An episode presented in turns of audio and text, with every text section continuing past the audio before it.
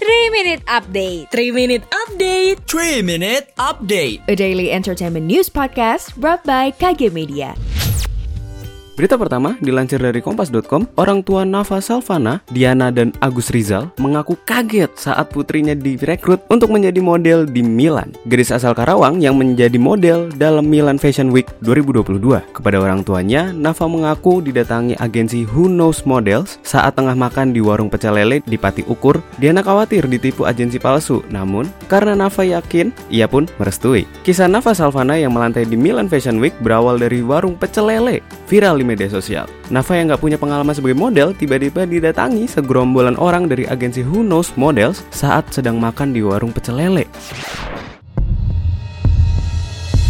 Rasain nih panasnya rokok gue.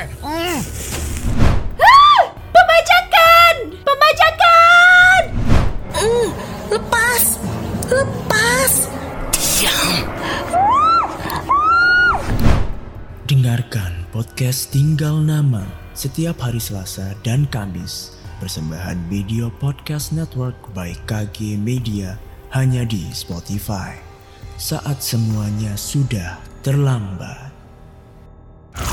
Kita beralih ke berita selanjutnya. Dilansir dari grid.id, Army ada kabar baik nih. BTS dikonfirmasi tampil di acara Grammy Awards ke-64 dan melanjutkan tur dunia di Las Vegas. Bangtan Boys atau BTS dikonfirmasi tampil di Las Vegas. Pada Selasa 15 Maret, BTS secara resmi telah dikonfirmasi sebagai penampil untuk upacara tahun itu. Dalam acara tersebut, BTS dinominasikan untuk Best Pop Duo atau grup performance dengan single mega hit mereka Butter.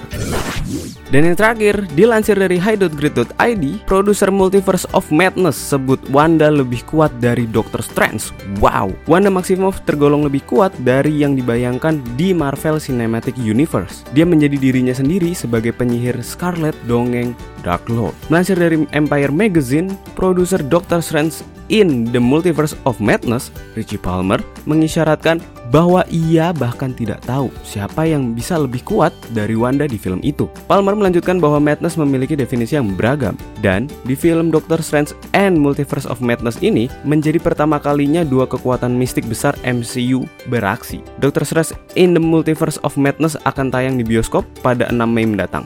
Duh, nggak sabar ya gimana nanti filmnya. Demikian 3 Minutes Update hari ini. Saya Deo pamit. Jangan lupa dengarkan update-update terbaru lainnya.